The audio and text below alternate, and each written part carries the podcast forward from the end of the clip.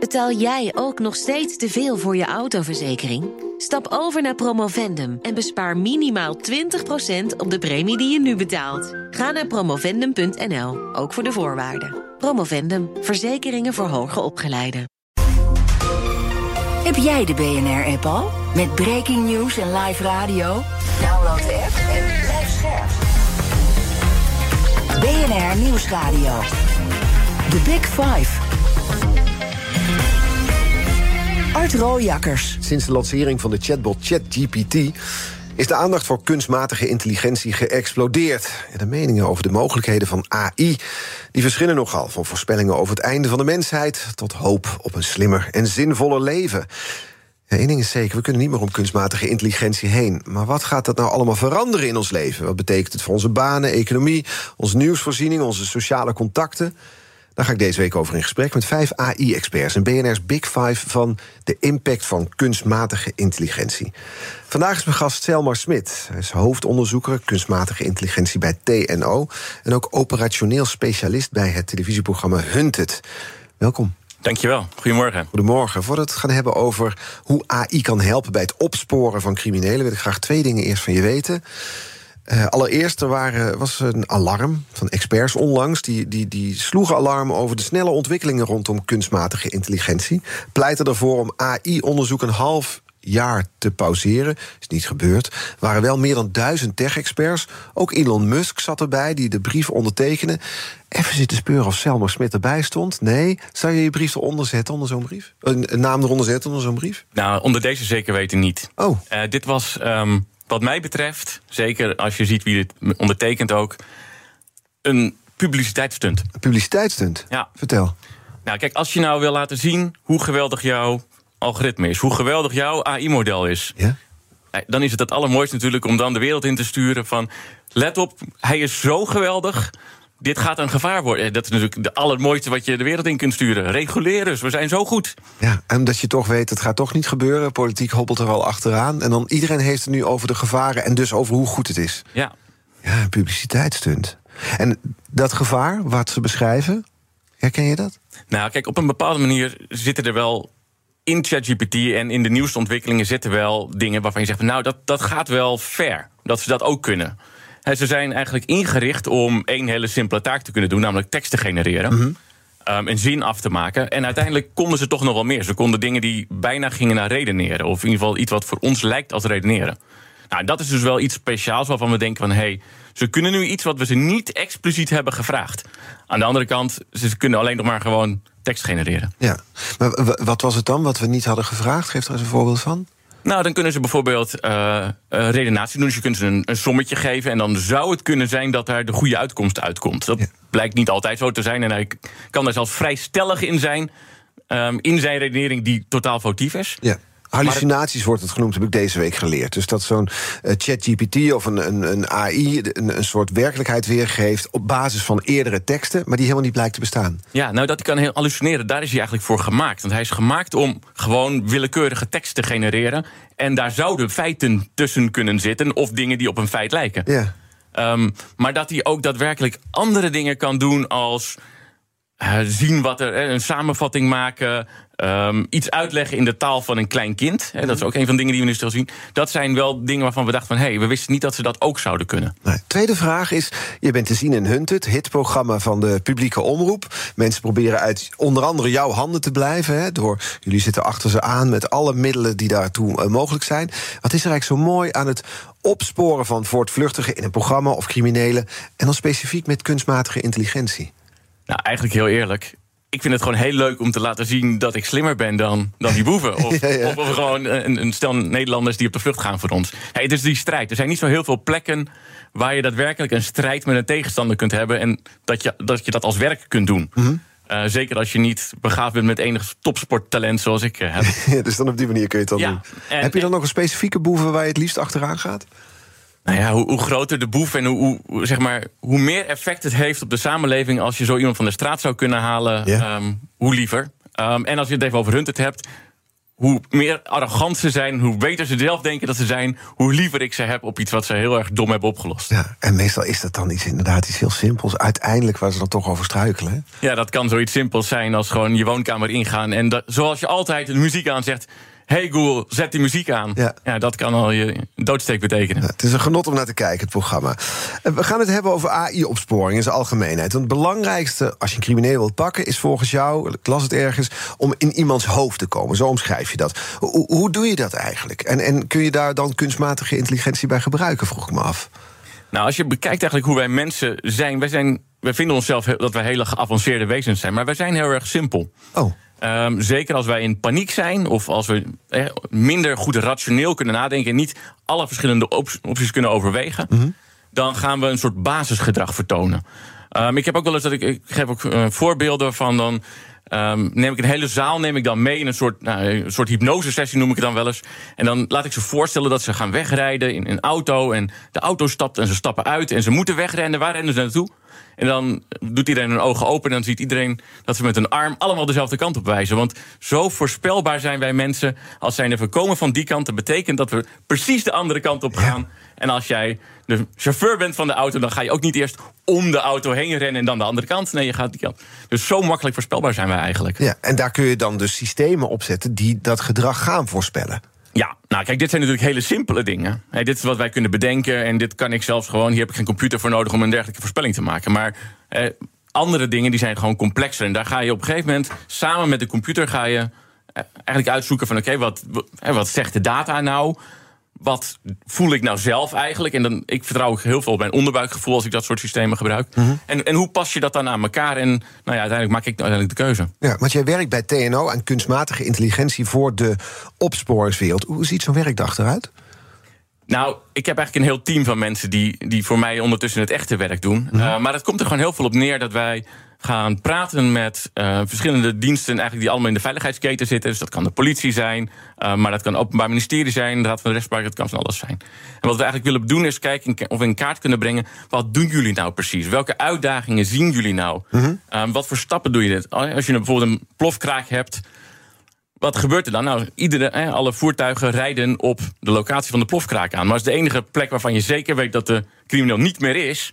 Is het daar? Is het daar wel. Ja. Ja, je moet natuurlijk een team heen sturen om ervoor te zorgen... dat er niet nog explosieven zijn achtergebleven. Maar als je die boef zou willen vangen, dan moet je eigenlijk ergens anders gaan staan. En daar denken jullie dan vanuit TNO, denken jij en je team over mee. Wat is dan de manier om, waar moet je eigenlijk wel naartoe gaan op zo'n moment? Ja, ja en dan dat, de ene kant. En de andere is dat we ook gaan kijken van... oké, en, en hoe wil je dat dan krijgen? Want niemand wil dat zij gewoon een computer heeft die met een rode knop zegt van...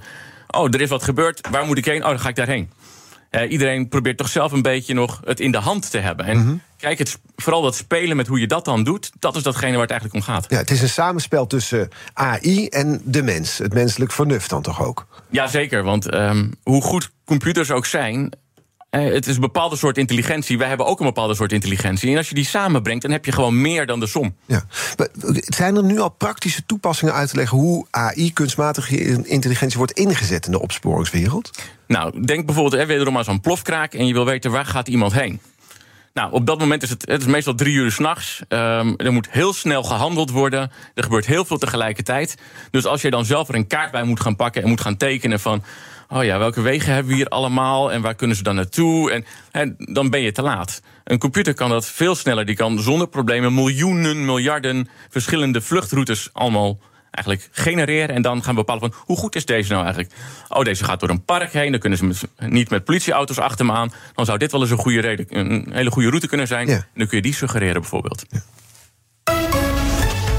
The Big Five. Art Rojakkers. Met vandaag de gast Selma Smit, hoofdonderzoeker kunstmatige intelligentie bij TNO, TNO en operationeel specialist bij het televisieprogramma Hunted. We hebben het over die vluchtroutes. Dat is razend interessant. Laten we daar eens op inzoomen. Want je bent dus bezig, of je team is bezig aan een algoritme waarin je vluchtroutes van een voortvluchtige kan voorspellen. Zover gaat het. Dat testen jullie ook al in Hunted. Hoe werkt dat? Hoe kan een computer nou zo'n vluchtroute bepalen? Op basis van welke data gaat dat? Je gaf net al een voorbeeld van ja, je gaat als crimineel niet zelf nog even op een kaart kijken hoe je nu het beste voorkomt. Maar hoe, hoe denkt zo'n computer mee? Nou, kijk, het idee is natuurlijk dat um, een, hoe beter een crimineel het zelf voorbereidt, hoe beter die heeft, precies heeft gezien van... oké, dus we hebben hier bepaalde routes... en daar kan een politieauto niet achter me aan en zo. En ik ga natuurlijk niet voor het politiebureau langs, dat zou ook stom zijn. Um, dus zo gaat hij voor zichzelf eigenlijk een ideale vluchtroute uittekenen. En het mooie is dus eigenlijk hoe slimmer de boef is, hoe beter die dat voorbereidt. Dan, uiteindelijk komt hij dan op de ene perfecte vluchtroute uit. En het enige wat we dus hoeven te doen als we dat zouden willen voorspellen, is ook die perfecte vluchtroute eh, meenemen. En dan gaat het dus over inderdaad van waar zijn politiebureaus, waar kun je met een voertuig niet achteraan. En als je al die parameters meeneemt waarvan wij denken of hopen dat de crimineel die ook meeneemt als hij zijn eigen vluchtroute heeft, dan kun je nou ja, waarschijnlijk op dezelfde vluchtroute uitkomen. En dan, wordt er gekeken naar politiebureaus, naar, naar wegafzettingen, naar doorgaande wegen, naar camera's. Nou, van alles wordt er in zo'n systeem gevoerd. Ja, je wil misschien niet dwars door de, of tenminste zo kort mogelijk dwars door een stad heen. Je wil zo snel mogelijk naar buiten. Je wil een plek hebben waar je misschien je scooter kunt neerzetten en in een ander voertuig kunt stappen. Dus al dat soort plekken moeten er aanwezig zijn om iets een perfecte vluchtroute te maken. Ja. Hoe werkt zoiets? Want dan dit, ik, ik snap het idee erachter van oké, dat, dat wil je dus invoeren in een systeem. Heb je dan zeg maar Google Maps waar je al die gegevens opzet, zodat je meteen kan invoeren de vluchtroute van Rabobank naar weet ik waar? Of hoe, hoe werkt dit? Nee, dat is, uh, je moet dus echt denken aan een soort schaakcomputer. Uh, je zit op een gegeven moment op een bepaalde manier achter je schaakbord. Alle stukken staan op een bepaalde plek. Nou, dat is een beetje hoe wij ook hebben. Er is een plofkraak geweest op een bepaalde plek. We, we, weten hoe de omgeving eruit ziet. En het enige wat het AI-systeem dan gaat doen, is alle mogelijke zetten eigenlijk uitproberen. Mhm. En kijken hoe goed die eigenlijk is, die zet. Maar dat is eigenlijk ook wat ons systeem doet. Dat test je natuurlijk ook door zaken die al plaats hebben gevonden. achteraf eens na te lopen, kan ik me voorstellen. Jazeker, dat is uiteindelijk waar het om gaat. We kunnen in, in Hunted kunnen we dingen laten zien. Maar het gaat er natuurlijk om van oké, hoe werkt het in het echt? En zouden we dan het zo kunnen vertrouwen dat we echt daadwerkelijk teams op bepaalde plekken gaan neerzetten, omdat de computer zegt dat dat waarschijnlijk een vluchtroute is. En hoe, hoe, hoe, lopen die testen? Nou, als je nu kijkt naar de experimenten, dan um, blijkt het eigenlijk dat het niet eens alleen voor plofkraken werkt, maar ook nog voor een heleboel andere plekken waarvan het dan gaat van een, dat een boef probeert um, snel weg te komen. Vanaf een plek waarvan hij zeker weet dat hij is gezien. Dus dat kan bijvoorbeeld ook zijn als jij een handgranaat aan een shisha-lounge hangt. Ja. Um, en waarbij je wel de tijd hebt gehad als crimineel zijnde om een vluchtroute te verzinnen. Nou, eigenlijk in, als dat waar is, mm dan blijkt eigenlijk dat de route die wij hebben voorspeld altijd wel. Uh, dus we voorspellen drie routes. En de daadwerkelijke vluchtroute zit eigenlijk altijd wel in die top drie. Dat, is, dat, is, dat gaat veel betekenen dus. Want dat betekent dat je straks, als je het in de werkelijkheid gaat toepassen... drie teams op pad moet sturen die die drie routes nalopen. Ja, dat is natuurlijk wat je zou kunnen doen. Het interessante is natuurlijk, ik vertel het nu aan jou hier op de radio. En uh, ik ben ook niet helemaal gek. Er gaan ook wel criminelen natuurlijk luisteren. Ja. Dus we hebben heel net publiek hier bij BNR hoor. Ja, heel net publiek natuurlijk. Ja. Nee, maar wat gaan nu, die nu doen met die kennis? Het feit dat zij niet meer een perfecte vluchtroute kunnen kiezen, want dat we die eigenlijk kunnen voorspellen. Ja, wat gaan ze ermee doen, denk je? Ja, je kunt eigenlijk twee dingen doen. Je, het, je kunt besluiten van, ja, ik, ik hoop dat ze het misschien hier niet gebruiken. Of dat ze het nog niet gebruiken. Of dat ik veel slimmer ben dan het systeem. En dat denken mensen heel snel. Um, dus toch de route kiezen die je eigenlijk van tevoren had verzonnen. En de enige andere route uh, wat je kunt doen is vluchtroutes gaan verzinnen die eigenlijk niet zo gunstig zijn. Die niet zo goed zijn. Waarbij je niet um, zomaar weg kunt komen zonder gezien te worden. Nou ja, en als ze dat gaan doen, maakt het ook niet uit. want dan worden ze ook eerder gepakt. Precies. Jij zei nu wel iets interessants, dat het gaat om slimme boeven die goed plannen. Je hebt natuurlijk ook eh, ja, soms een paniek. Hè? Je zegt het al, we, overschatten onszelf als mens. Maar als, het, als we in stress zitten, dan vallen we terug op een soort basisgedrag dat goed te voorspellen is. Is het eigenlijk nog makkelijker als iemand gewoon in paniek zomaar eh, ja, een vluchtroute bepaalt? Nee, dat is eigenlijk juist heel erg moeilijk. Oh. Ja, want dan weet je, niet, dan weet je eigenlijk niet zo goed wat hij gaat doen. Iemand omdat hij niet, niet, rationeel is. Omdat hij niet rationeel is en, en misschien gewoon ergens naartoe loopt... omdat hij daar een boom ziet waar hij denkt dat hij achter kan verstoppen. Nou, we, hebben niet alle bomen in de dataset zitten. En, en, ik zou ook niet weten wat ik er altijd mee zou moeten. Dus iemand die totaal gek, um, helemaal in angst, in paniek wegvlucht... Ja, die is eigenlijk veel moeilijker te, eh, te voorspellen. Ja. Maar goed, die is dan ook misschien wel weer makkelijker te pakken... want mensen paniek maken niet de beste beslissingen. Nou, dat is inderdaad de hoop. Dus dat je de, de slimme boeven pakt omdat je ze kunt voorspellen... en de domme boeven pakt omdat ze nou eenmaal dom zijn. Ja. En jullie hebben dus zaken, zijn jullie nagelopen... Hè, met jullie, met jullie uh, nou ja, AI, met het systeem, zal ik maar zeggen. Bijvoorbeeld die spectaculaire, dat, dat overval op het geldtransport in, eh, in Amsterdam. Uh, in Amsterdam-Noord was dat volgens mij... waar die daders dat weiland invluchten, was dat. Ja, was het geldtransport of nee? Het was bij een bedrijf, uh, gingen ze naar binnen. Hoe dan ook, er was die spectaculaire vluchtroute naar Noord. Uh, Met meer snelle voertuigen. Exact. Ja, ja, daar kwam eigenlijk de, hetzelfde uit. Als je dan gewoon die locatie invoert, kwam er eigenlijk uit van... nou, de, de kans überhaupt dat ze... want we weten niet, normaal niet als er een plofkraak gebeurt wat er gebeurt. Dus het enige wat het systeem zei van... nou, het lijkt me onwaarschijnlijk dat ze hier met scootertjes weggaan. Dus ik vermoed dat ze met auto's weggaan. Nou, dat klopte. Um, en hij voorspelde dat er een bepaalde route uit zou gaan. En die route is daadwerkelijk uitgekomen op een plek waar een uh, uitgebrande vluchtauto is gevonden. Was weliswaar niet de plek waar ze heen wilden. Nee. Um, of waar ze heen zijn gegaan. Waarschijnlijk wel de plek waar ze heen wilden. Um, en dat zie je natuurlijk wel vaker. Dat, het, hoe goed je het ook voorbereidt, één verkeerde afslag en je eindigt in Zandam. Ja, ja, ja. Is die technologie, want dat zijn jullie nu aan het ontwikkelen, wanneer kan het echt gebruikt gaan worden, denk je? Nou, eigenlijk is het belangrijkste dat mensen er vertrouwen in gaan krijgen. Dus politiemensen de politiemensen, ja, degene die daadwerkelijk in de meldkamer zitten om drie uur s'nachts met allemaal telefoontjes om zich heen. Um, dingen die gebeuren die dat op dat moment echt daadwerkelijk kunnen en durven vertrouwen op het systeem. Ja. Um, en dat, Wat is daarvoor nodig? Heel veel ervaring eigenlijk. Daar heb je, gewoon, je moet er een tijdje mee werken, aan de ene kant. En aan de andere kant moet je ook vooral, als jij een ontwerper bent van een AI-systeem... eigenlijk gaan nadenken van, ja, maar hoe, hoe breng ik dat naar, naar, naar, dat persoon? Ga ik allemaal pop-upjes genereren van... oh nee, ik heb een nieuwe route verzonnen, dit is een... En dat is waarschijnlijk niet wat iemand wil. Nee. Iemand wil gewoon pad, boom, één keer. En, nou, en daar gaat het eigenlijk om, van hoe kun je dat zo inrichten? En daar hebben wij eigenlijk... moeten wij gewoon echt lang meelopen met dat soort mensen... om erachter te komen, hoe werkt zo'n centralist nou? Iemand in de meldkamer. Mhm. Hoe denkt hij, hoe voelt hij, wat wil hij zien, op welk moment, op welk scherm? En aan de andere kant moeten zij eigenlijk vertrouwen krijgen in jouw nieuwe collega. Ja, ja. Dus en op die manier, want dat is het dus. Je ziet het als een nieuwe collega. Oh, ja, en, en dan een, specifieke collega die hele andere dingen kan dan jij kan. Ja. En dat is dus bijvoorbeeld zo'n vluchtroute in alle snelheid meteen bepalen. Ja, en dan zul je nog steeds als, uh, als operator zelf moeten gaan nadenken. Hè, want er zitten heel vaak dingen in die systemen die ja, die er niet helemaal duidelijk in staan. Hè. Ik heb wel een, bijvoorbeeld een voorbeeldje van een vluchtroute die die voorspelt. Dat zei, nou, eigenlijk moet dit de vluchtroute zijn. Want dat is perfect. Dat is, hè, daar kun je niet met een voertuig komen. Hè, dat gaat, in zijn, hè, gaat door de weilanden heen. Um, maar als je nou goed kijkt, dan, als je gewoon de kaart bekijkt... dan zie je dat er wel een autoweg naast loopt. Alleen daar zit een slootje van 30 centimeter tussen. Oh, dat is wel lastig rijden. Nou ja, kijk, eh, als je, als je als agent bent, dan kun je zonder probleem dat slootje oversteken. En dan zou je best die scooter kunnen tegenhouden die over die route komt. maar ja, het systeem dacht van ja, er zit een slootje tussen, dus daar kun je niet komen. Nee, helder. Um, je bent enthousiast over dat wat er mogelijk is hiermee. En dat sluit wel aan bij de kettingvraag. Gisteren was hier filosoof Bas Haring te gast. Hij had deze vraag uh, voor jou. Een kettingvraag ik zou willen vragen, is dat... Kijk, in de jaren 80, 90 was er ook een hype in de kunstmatige intelligentie. Uh, wat voor redenen ziet hij dat dat nu anders is als hij die redenen... Ziet hij dat het... Hè, dat het en die hype overigens is ook... Uh, ja, die is een beetje overgegaan. Een beetje teleurstellend overgegaan. Zijn er redenen om te veronderstellen dat het nu anders is? Ja, toen was het een hype. Is het nu niet ook een hype? Ja.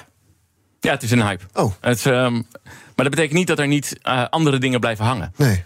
Um, kijk, we, we, zijn heel snel geneigd om met dit soort nieuwe technologieën van alles te denken kunnen oplossen. Um, het, het, is een beetje alsof je een hamer hebt en zie je overal spijkers. Ja, ja. Um, en, en dat gebeurt ook een beetje. Je ziet dat ze met mensen problemen op te lossen met, met een, bijvoorbeeld een ChatGPT, wat daar totaal ongeschikt voor is. En wat je veel makkelijker op een hele andere manier kunt oplossen. Dus dat soort overspannendheid in, in dingen waarvan je van ja, dat, dat kan dus allemaal. Nee, dat gaat waarschijnlijk niet gebeuren. Waarschijnlijk gaan er een heleboel mensen gedesillusioneerd achterblijven van, oh, het valt toch eigenlijk wel tegen. Hm. Aan de andere kant, er zijn wel echt grote verschillen. Um, als je kijkt waarom de vorige hype eigenlijk uitdoofde, was omdat er daar een hele grote behoefte was aan of een heleboel computerkracht die er nog niet was. Uh, het was ook de tijd dat expertsystemen opkwamen. Nou, expertsystemen betekende eigenlijk dat een expert al zijn kennis moest uitschrijven en alle mogelijkheden die hij kon verzinnen, moest hij uitschrijven. En dan kon dat in dat systeem komen. Ja, zoveel expertkracht had je niet en dat kostte heel veel geld.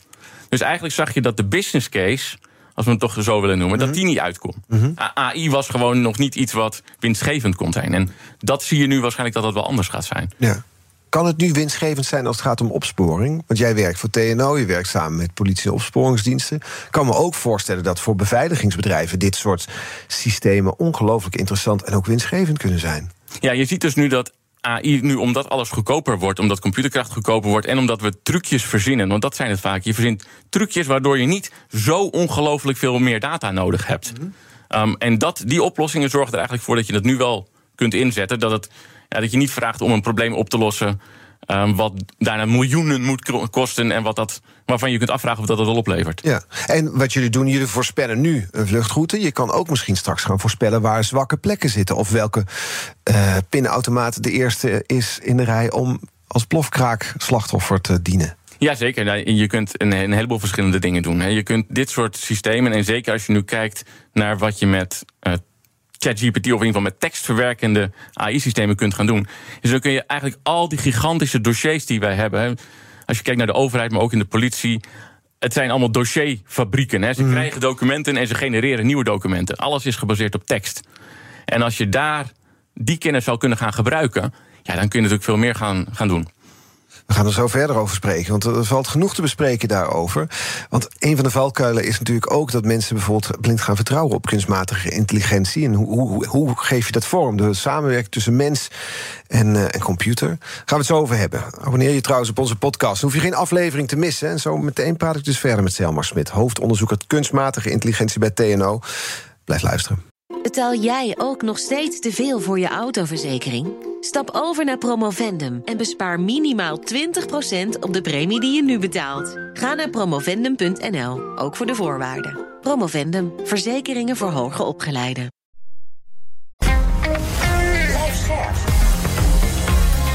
BNR Nieuwsradio. The Big Five. Art Rooijakkers. Welkom bij Tweede Half Uur. Deze week vijf kopstukken over de impact van kunstmatige intelligentie. Morgen dan praat ik nog met Jelle Zuidema, hoofddocent natuurlijke taalverwerking. Over wat er gebeurt als kunstmatige intelligentie, AI, te vroeg wordt uitgerold.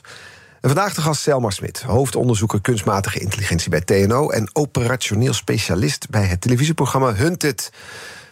Wat is nou eigenlijk nou een operationeel specialist, vroeg me af. Ja, dat is een hele. We moesten een term verzinnen voor iemand die eigenlijk al het werk doet. Het, het komt er vooral op neer dat ik krijg alle informatie binnen. Ja? Ik moet daar proberen iets van kennis van te maken, bakken. En dat moet ik dan weer teruggeven aan de mensen die de teams kunnen aansturen. En het liefste moet ik er ook nog voor zorgen dat we zoveel mogelijk informatie binnenkrijgen. Informatiebakker, daar ben je. En informatiebakker. Ja. Ik wil graag twee onderwerpen met je bespreken het komend half uur. Of we alle waarschuwingen over de gevaren van AI serieus moeten nemen. En hoe de optimale samenwerking tussen mens en machine, zou ik maar even zeggen, eruit ziet. Laten we met het laatste beginnen. Want dat is natuurlijk interessant. Uh, je ontwikkelde voor het Openbaar Ministerie een programma dat het makkelijker moet maken om veroordeelden te vinden die hun straf nog moeten uitzitten. Omschrijf ik het zo goed? Ja. ja? Hoeveel politiemensen en rechercheurs zijn nu hun baan kwijt door dat programma? Nou, uh, helemaal nul. Nee, ja, nee dat, het, het gaat er namelijk vooral om, om prioriteren en om te helpen. Hij zijn, zijn, als het goed is, uh, vervang je geen mensen. Je geeft ze eigenlijk extra informatie. En dan is het bijvoorbeeld heel interessant te gaan kijken wat dat, wat, hoe je dat dan goed doet. Want stel dat we dan een, een, eh, een van de dingen die hebben ontwikkeld, is dat je gaat zeggen van oké, in dit geval, stel dat we het over een moord hebben en je weet niet wie de dader is. Um, maar je hebt een bepaalde kenmerken van een zaak. En je, de AI-systeem is misschien over, zeggen, we zeggen, over tien jaar een briljant systeem. Wat alles weet en die zegt tegen jou. Nou, ga de partner maar eens bekijken. Dat is meest waarschijnlijk. Ja, daar heb je natuurlijk niet zoveel aan. Ja, het is hartstikke leuk dat hij dat denkt, maar als je het niet kunt onderbouwen, dan heb je eigenlijk alleen maar, word je een soort slaafje van de computer. Ja. Um, dus wat je eigenlijk moet gaan doen, is hoe kun je nou ervoor zorgen dat de kennis en ervaring, want heel veel van die mensen in de opsporing die zijn daar al heel lang mee bezig. Die hebben heel veel ervaring, die voelen zelf ook wel dingen aan. Um, misschien is dat voor iemand die in de computer technologie zit heel raar om te. Maar ik vertrouw heel veel op mensen hun onderbuikgevoel. Ja, instinct ook. Instinct, dat soort dingen, ervaring. Uh, dat geeft heel veel informatie. En als het enige wat ze nog kunnen doen is met al die kennis en ervaring het slaafje zijn van een. Uh, van een AI-systeem die zegt, nou ga de moeder maar eens opzoeken of ga de partner maar eens opzoeken. Ja, dat gaat het niet worden. Nee. Je hebt wel eens gezegd, je moet het algoritme of kunstmatige intelligentie eigenlijk zien als een heel ervaren rechercheur die ontzettend veel politieonderzoeken heeft gezien, maar zelf niet zo heel snugger is. Leg dat eens uit. Ja, nou kijk, het, het, het komt erop neer van hij. Heel vaak zie je dat ze die finesses een beetje missen. Um, dus als je hem de opdracht geeft om he, ga in een hele grote bak met data te zoeken naar de, de kleine uitzonderingen, dan kan hij die wel benoemen. Maar heel vaak ben je juist op zoek naar de grote lijn. En dan krijg je dus echt ook alleen maar de grote lijn terug. Mhm. En wat ik heel vaak ook zeg van een computer doet altijd datgene wat je zegt, nooit datgene wat je wil. Dat zul je zelf ook merken. Dat hebben wij normaal als wij gewoon op de computer werken al. Dat, ik weet niet hoe vaak jij tegen bijvoorbeeld Word of tegen een Excel scheldt. Ehm, ik doe dat geregeld nog wel. Ja, toch nog ik, steeds? ik weet dat dat geen enkel effect Nee. heeft, maar ik doe toch? Ja, ja, ja. Ehm, omdat hij, ja, ik, dat zei ik wel dat hij dat moest doen, maar dat wilde ik helemaal niet. Nee. En het is best wel ingewikkeld om tegen een AI-systeem precies te zeggen wat je wil. Want het, het is toch een beetje als een. Nou ja, misschien kent iedereen zo'n collega wel. Die doet precies datgene wat je zegt. Eh, Maar als je, als je zegt, van, ja, maar als je nou even had nagedacht. dan had je toch geweten dat ik eigenlijk dit bedoelde. Heb je zelf wel eens meegemaakt dat je zo'n opdracht verkeerd formuleerde? Aan een, aan een AI-systeem? Ja. Ja. nee, ja, dat eigenlijk heel vaak. Een van de, de- wat ik het mooiste voorbeeld eigenlijk vind, is een, ehm, een tijd geleden. Ik heb mijn eigen schoonmaakrobot heb ik omgebouwd. Schoonmaakrobot? Ja, zo'n stofzuiger. Zo'n Ja, ja. zo'n- rond ding wat door je kamer rijdt. Ehm, en die heb ik gevraagd van, eh, hou het huis schoon. Nou, dat, dat leek een redelijk makkelijke opdracht. En nou, in het begin deed hij dat een beetje zoals al die tegenwoordig die stofzuigerrobots... die gaan een beetje willekeurig heen en weer rijden. Maar binnen de kortste keren had hij eigenlijk door... want ik gebruikte hem in mijn kantoor... ehm, dat ik voornamelijk van de koffieautomaat naar, naar mijn stoel liep. Dus daar werd vooral schoongemaakt. Dus daar, dus daar ging hij op een gegeven moment heel netjes heen en weer rijden... die daar moest schoonmaken. Ehm, en dat duurde nog een tijdje. En op een gegeven moment had hij een nieuwe technologie, een nieuwe tactiek verzonnen. Want het bleek, ik had mijn, eh, de, de kast stond op een bepaalde manier zo tussen de deur eh, en de kast... dat als hij er precies tussendoor ging, dan kon hij met, en met dat ding zelf... kon hij de deur dicht houden en dan kon ik niet naar binnen. Nou, dat is de beste manier om ervoor te zorgen dat het huis schoon blijft. Dus je werd buitengesloten door je eigen werd, ik schoonmaakrobot. werd buitengesloten door mijn eigen schoonmaakrobot. Vanwege een opdracht, hou het huis schoon. En de ultieme consequentie is, ja, als jij er niet binnen bent, dan blijft het wel schoon. Nou ja, en dat, dat is dus een beetje wat het risico altijd is. Als je de verkeerde opdracht geeft en, Ja. en, dat, en je moet heel nauwkeurig zijn in je opdracht... ja, dan krijg je de verkeerde oplossing. Ja. Dit is bijna een analogie voor het klimaatprobleem. Want zo wordt er wel eens gedacht, als je kunstmatige intelligentie de opdracht geeft, los het klimaatprobleem op, dan zou de conclusie wel eens kunnen zijn: de mens is het probleem, einde van de mensheid. En dat is op zich een goede oplossing. Ja. Het is niet helemaal de gewenste oplossing. Nee, laat die schoonmaakrobot van jou dit maar niet horen dan. Nee, ja, en dat- dat is dus precies het probleem ook. En dan, als je dan ook naar regelgeving kijkt, van hoe, hoe ga je dat dan doen? Want hoe, als je dus afwegingen moet gaan maken tussen. Hè, in een je, ja, hij moet het huis schoonhouden, maar ik wil wel zelf naar binnen kunnen. En, maar als hij af en toe ervoor zorgt dat ik niet naar binnen kan, omdat hij iets noodzakelijks moet doen, zou ik dat niet zo heel erg vinden. Dus je gaat al heel snel alle nuances aangeven. En Ja. kijk, als het nou gaat om het huis schoonmaken, dan, dan gaat dat nog wel. En dan, dan is dat niet zo heel erg als hij daar af en toe een beetje naast zit. Kan je inmiddels weer je huis in? Ja, ik had een, gelukkig een afstandsbediening dat ik hem daarmee kon overroelen. Dus ik kon hem gewoon zelf laten wegrijden van even aan de kant, dan kon ik weer naar binnen. En nu, hoe heb je het opgelost? Nou, ik, heb, eh, ik, eh, ik geef ook college en ik heb ook een aantal mensen, eh, dus van mijn studenten, de vraag gegeven: wat moeten we dan doen? En er komen een heleboel verschillende suggesties uit. En bijvoorbeeld suggesties van: nee, maar het gaat niet om dat het huis schoon is. Dat je moet zoveel mogelijk vuil moet je, eh, oppakken. Dat, dat was een betere oplossing, dachten sommige Dan mensen. moet je wel hopen dat die robot niet denkt dat jij het vuil bent. Nou ja, dat is dus inderdaad. Ik heb ook een kat. Dus het aanrijden van die kat, eh, zodat er wat haren uitvallen, is ook een, een hele goede oplossing om. eh, Een oplossing te vinden. Ja. Ja. Nou, is dit nog een, een eh, interactie, een ontmoeting tussen een robot en iemand die ervoor open staat? Sterker nog, je hebt er verstand van en kan het dus ook nog weer anders programmeren. Nu duiken we weer de wereld van de opsporing in. Dan zie ik zo'n ervaren rechercheur voor me, die op zijn onderbuik afgaat, waar jij dan binnenkomt en zegt: Ik heb hier een prachtig systeem dat jou kan ondersteunen.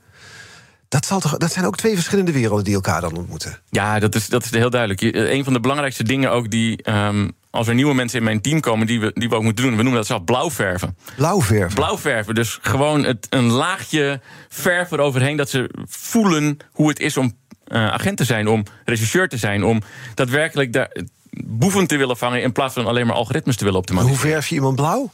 Nou, de beste manier is gewoon iemand achterop eh, de, in, de, In de auto in zetten. de auto zetten. eh, bij de DSI in de auto zetten. Die Of- speciale interventies Ja. is dat? Of eh, de hele dag meekijken bij een regisseur die achter zijn eh, PC bezig is. Ja. Dat is de beste manier. Want dan zie je dus dat. Oké, dan hebben we dus de onderzoekers worden blauw geverfd. Hoe zorg je dat de blauwe mensen, de rechercheurs, de politieagenten openstaan voor dit soort nieuwe ontwikkelingen?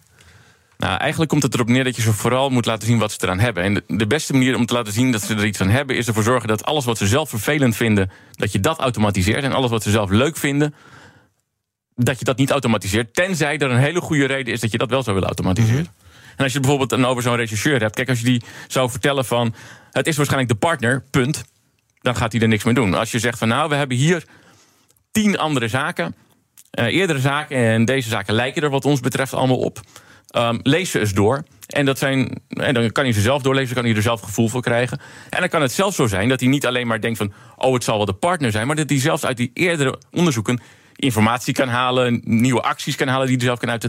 Dus je hebt er zelfs nog veel meer aan dan als je hem alleen maar had verteld. Nou, het is waarschijnlijk de man. Ja.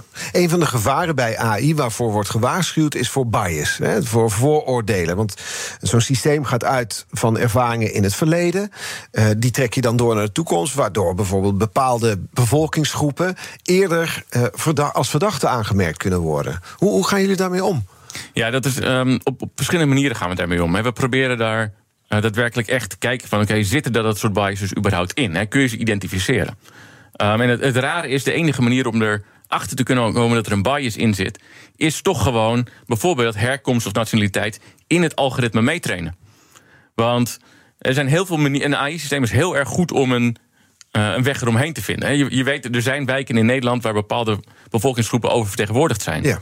Dus een postcode is een hele goede manier om een weg eromheen te vinden als AI-systeem, als je herkomst of nationaliteit niet mag gebruiken.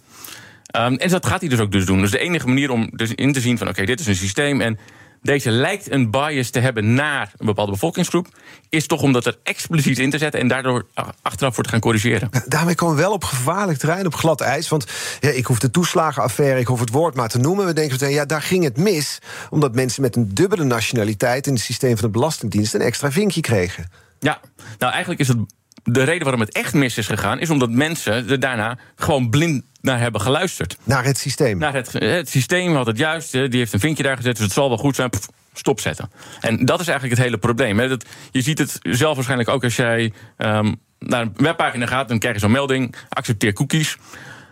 Waarschijnlijk druk je gewoon, zelfs bijna zonder die melding te hebben gezien op accepteer cookies. Zeker weten. Door. Ja. ja, dus wij mensen zijn eigenlijk hartstikke lui.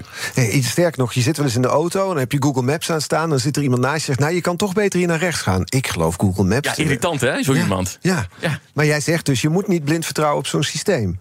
Nee, kijk, ze kunnen niet alles meenemen. Er zijn altijd dingen die eromheen spelen... of jouw gevoel... En die gewoon er dingen omheen brengen... waardoor je toch een andere keuze moet maken. Maar hoe doe je dat als je, wat jij zegt, we, nou, bijvoorbeeld in zo'n AI-systeem moet je toch afkomst bijvoorbeeld, of nationaliteit, of welke bevolkingsgroep je toebehoort, moet je erin voeren om dus die bias, die voordelen, juist eruit te kunnen filteren.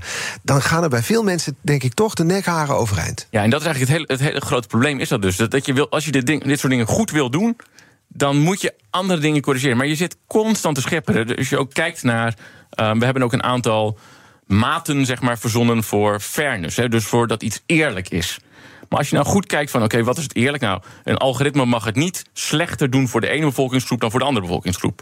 En je wil dat hij het ongeveer even goed doet. Maar je wil ook dat hij bepaalde kwaliteit haalt. En als je dan goed gaat kijken naar al die verschillende manieren waarop je eerlijkheid zou kunnen definiëren, dan blijkt het dat als je het beter doet op de ene maat, dan doe je het slechter op de ander.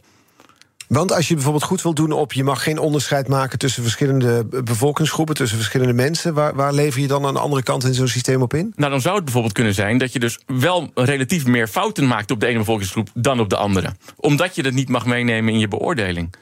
Um, en, en dan wordt het dus allemaal heel complex. En als je dan kijkt van wat doet een echte... een pure AI-specialist dan? Die kijkt dan zo van, oké, nou, ik moet een keuze maken. Um, en aan wie ga ik dat vragen? Ga ik het aan een jurist vragen? Ga ik dat aan een ethicus vragen? Vraag ik het aan de politiek? Gaan we er een algemene stemming houden van hoe moeten we dit uh, gaan afwegen? Wat is er belangrijker, 0,4 keer de ene maat of 0,6 keer de andere maat? Geef eens het antwoord. Aan wie moet je het vragen? Ja, dat is eigenlijk heel ingewikkeld. Dat is we, we, we, we, weten het gewoon eigenlijk niet. We weten niet. Het systeem is er wel, het antwoord nog niet. Ja. Betaal jij ook nog steeds te veel voor je autoverzekering? Stap over naar Promovendum en bespaar minimaal 20% op de premie die je nu betaalt. Ga naar promovendum.nl, ook voor de voorwaarden. Promovendum, verzekeringen voor hoger opgeleiden. Als ondernemer weet je dat tijd jouw meest waardevolle bezit is. Weet je ook waar je altijd te weinig van hebt? Inderdaad, tijd. Maar daar komt vandaag verandering in. Stap nu over op Teamleader Focus. De gebruiksvriendelijke bedrijfssoftware die CRM, facturen, offertes en projectmanagement samenbrengt op één overzichtelijke plek. Zodat jij meer tijd hebt om te doen waar je echt goed in bent. Tijd om te ondernemen. Teamleader. Kijk op focusopjebedrijf.nl. BNR Nieuwsradio. The Big Five. Art Rojakkers. Je luistert naar BNR's Big Five van de kunstmatige intelligentie. Gisteren sprak ik met uh, filosoof Bas Haring over de ethische vraagstukken bij het gebruik van kunstmatige intelligentie. Kun je terugluisteren via bnr.nl en de bekende podcastkanalen. Vandaag de gast Selma Smit. Hij is hoofdonderzoeker kunstmatige intelligentie bij TNO en operationeel specialist bij het programma Hunted. Ja, ik ben toch benieuwd, hè, want we begonnen daarmee met die waarschuwingen voor AI, voor kunstmatige intelligentie. Um, toen zei je al, het is ook goede marketing. Het is ook een, want dan kun je zien, kijk, zo goed is ons systeem. Uh, hou ons in toom, want anders dan uh, zijn we veel te gevaarlijk kan het worden. Zie jij gevaren in kunstmatige intelligentie zoals het nu in opkomst is? Nou, het grootste gevaar, denk ik, is gewoon dat we erop gaan vertrouwen. Um, en dat is op zichzelf al een, een, een, groot probleem. Maar ook nog als dat de grote AI-dingen die we allemaal gebruiken in handen zouden zijn van een paar kleine partijen. En laten we ook nog zeggen, of grote partijen. En laten we zeggen, ook allemaal uit dan wel Amerika, dan wel uit China. Mhm. Ja, dan maken we ons op AI-gebied wel heel afhankelijk. Want dat is de situatie nu, toch? Dat is de situatie nu, ja. En, en uh, wat je ook dus gaat zien is dat als er uh, kennis wordt opgebouwd, um, instellingen daar, die kunnen makkelijker toegang krijgen. Als je kijkt waar er economische activiteit is, ook dat zal makkelijker gaan op plekken waar al heel veel kennis aanwezig is. Ho, hoe je die hele grote taalmodellen of andere AI-systemen. Uh, hoe je die bouwt en hoe je die gebruikt. Dus de, de kans bestaat gewoon dat wij als Europa een beetje ja, achter gaan lopen. Ja, en de kans bestaat dus, daar begon je mee door te zeggen van ja, dat we er blind op gaan vertrouwen. Dat moet je niet doen. Nee, ja, kijk, het, een computer blijft een computer en die blijft gewoon heel vaak op een bepaalde manier datgene doen wat, wat hij is gevraagd dat hij doet. Um, en wij mensen, wij gebruiken een andere intelligentie. Bas noemde het gisteren ook al. Wij nemen dingen op een andere manier waar. Wij kunnen een ijsje eten en proeven hoe een ijsje smaakt. En daarmee is voor ons een ijsje iets anders dan een rijtje nulletjes en ene. Um, en juist dat zorgt er ook voor dat wij mensen en machines eigenlijk dat dat hele andere dingen zijn. En dat je dus ook vooral niet moet denken dat één van de twee intelligenties eigenlijk de betere intelligentie is. Nee, die zijn ook dan toch niet met elkaar te vergelijken. Nee, nee als je bijvoorbeeld kijkt naar um, Centaur schaken, dat is een nieuw soort schaken. Dat is door Kasparov, dat die is ingemaakt door een AI-systeem, is dat verzonnen. Um, en wat is dat? Dat is een schaakgrootmeester, of in ieder geval een schaker, die wordt ondersteund door een uh, schaakcomputer of een AI-systeem. En het interessante is dus dat die combinatie het beter doet dan welke schaakcomputer dan ook, of welke schaakgrootmeester dan ook. En wat hem nog interessanter maakt, is dat de beste combinatie van mens en machine in, in, in Centaur schaken, is niet noodzakelijk de beste grootmeester met de beste schaakcomputer. Het gaat om de beste samenwerking. Het gaat om de beste samenwerking. En dan ga je dus echt al naar teams kijken en naar mens-machine samenwerking. Is dit nou, uh, wat, jij weet veel van deze systemen af, bent ze aan het uitrollen, bent onderzoek aan het doen, werkt daarin samen met de opsporingsdiensten. Is dit een ontzettend interessante tijd, uh, omdat er nu veel meer mogelijk is? Of is dit aan de andere kant ook iets waarvan je zegt, nou, dit zagen we al jaren aankomen? Nou, strikt genomen is alle technologie die we nu gebruiken is niet zo heel erg veranderd sinds de jaren 80. We gebruiken redelijk dezelfde technologieën. Het enige wat we doen is er veel meer computerkracht tegenaan zetten, er veel meer data tegenaan zetten. En we verzinnen zelf, en dat doen we als mensen, hele slimme trucjes om een probleem op een andere manier op te lossen, waardoor het al heel snel wel met een AI-systeem kan, terwijl het vroeger dat, dat het eigenlijk helemaal niet kon. Mm Um, we dachten vroeger dat echt een heleboel dingen nooit. Schaken zou nooit, Go zou nooit. Um, allemaal gebeurd. En die zijn allemaal gebeurd. Ja, en die rekenkracht neemt alleen maar toe. Misschien was dat ook wel een van de redenen dat ex-Kamerleden, schrijvers, wetenschappers gisteren via een petitie in de Volkskrant Den Haag opriepen om grip te krijgen op kunstmatige intelligentie. Er moeten duidelijke voorwaarden komen, zeiden ze. Meer regelgeving dus, meer politieke bemoeienis. Goed idee? Ja en nee. Kijk, de manier waarop het nu gebeurt, vind ik dat het inspeelt op een bepaalde irreële angst. Het, het, het, gaat, we zijn nog lang niet zo ver dat de wereld wordt overgenomen door AI-systemen. Gelukkig maar. Nee, ja, daarom. En dat willen we natuurlijk ten alle kosten voorkomen dat dat kan gebeuren. Um, maar wat we zien is dat er heel veel wordt ingespeeld op bepaalde technologieën verbieden. Dus we gaan dit restricten en dat restricten. Terwijl als je gewoon goed kijkt, wat is nou eigenlijk het probleem? De manier waarop je het gebruikt. Dus als je het gebruikt als een soort autonoom systeem die zelf beslissingen neemt. Mhm. Ja, dan zou ik niet willen dat dat, dat een AI-systeem in zijn eentje is. Uh, die een wapen kan hanteren. Op het moment dat daar een mens tussen komt en hoe groter die rol van de mens wordt, hoe, hoe minder erg dat eigenlijk is. En hoeveel je dus veel meer gaat naar een soort hybride intelligentie, waarvan menselijke intelligentie en computerintelligentie eigenlijk samenkomen. En, en hoe noem je dat dan en hoe ga je dat allemaal vastleggen? En als je dat allemaal wil noemen als van, oh, we doen dus geen gezichtsherkenning, geen dat, geen, dan, dan blijf je met een oneindig lange lijst bezig met, met allemaal wetgeving waarvan je eigenlijk constant achter de feiten aanloopt. Ja, want van, vandaag is volgens mij dat Europarlement, het uh, Europarlement stemt over AI-wetgeving. Die wet moet AI-systemen onderverdelen in, in risicogroepen. Dat is de eerste keer dat er een soort AI-wetgeving uh, komt. Sommige systemen zijn bijvoorbeeld al verboden. Het gebruik van real-time biometrische identificatie, denk aan gezichtsherkenning, door opsporingsdiensten, zoals bij het zoeken van een verdachte. Ik denk dat jij dan denkt, shit, ja, kijk, het, um, ik besef me dat dat gewoon altijd een afweging is. Veiligheid is altijd een, een, privacy, en, maar ook de inzet van eisen. Dat is altijd een bepaalde afweging tussen wat je daar acceptabel vindt. Um, en ik zou daar bijvoorbeeld de keuzes in maken, maar ik heb een bepaalde leeftijd, ik ben man, ik ben blank. Dat, dat maakt allemaal uit in de reden waarom ik een bepaalde keuze zou maken, waarom ik een afweging zou maken. Um, dus dat is best ingewikkeld om dan dat proberen algemeen af te vangen in van hoe moeten we die afweging tussen veiligheid, privacy en AI gebruiken, hoe moet je die eigenlijk maken? Ja, maar dus zoiets als die, die, die, die gezichtsherkenning door opsporingsdiensten, het wordt dus aan banden gelegd bijvoorbeeld al eigenlijk door AI. Beknot dat de mogelijkheden enorm? Of wordt die, die, die slagkracht van gezichtsherkenning bij opsporing sowieso misschien wat overgewaardeerd? Nee, dat werd vanochtend werd het, uh, heb je dat ook in de media kunnen zien. Hè? Je ziet ook dat bijvoorbeeld een, uh, een kindvermissing. Um, dan heb je, nou, als je binnen het eerste uur um, nog kunt handhaven, als je er dan nog achter kunt komen, dan heb je een goede kans om, om er nog tussen te komen. En daarna ben je eigenlijk al te laat. Ja. Dat, dat zou er best voor pleiten um, om heel gericht op een uh, manier die privacy technisch kan. En natuurlijk een bepaalde mate van privacy infringement met elkaar brengt, maar die wel jou in dat eerste uur in ieder geval extra hulp zou kunnen bieden. De kettingvraag moeten we snel doen. We schieten door die tijd heen. Jelle Zuidema, morgen te gast. Hoofddocent natuurlijke taalverwerking. Wat zou je van hem willen weten?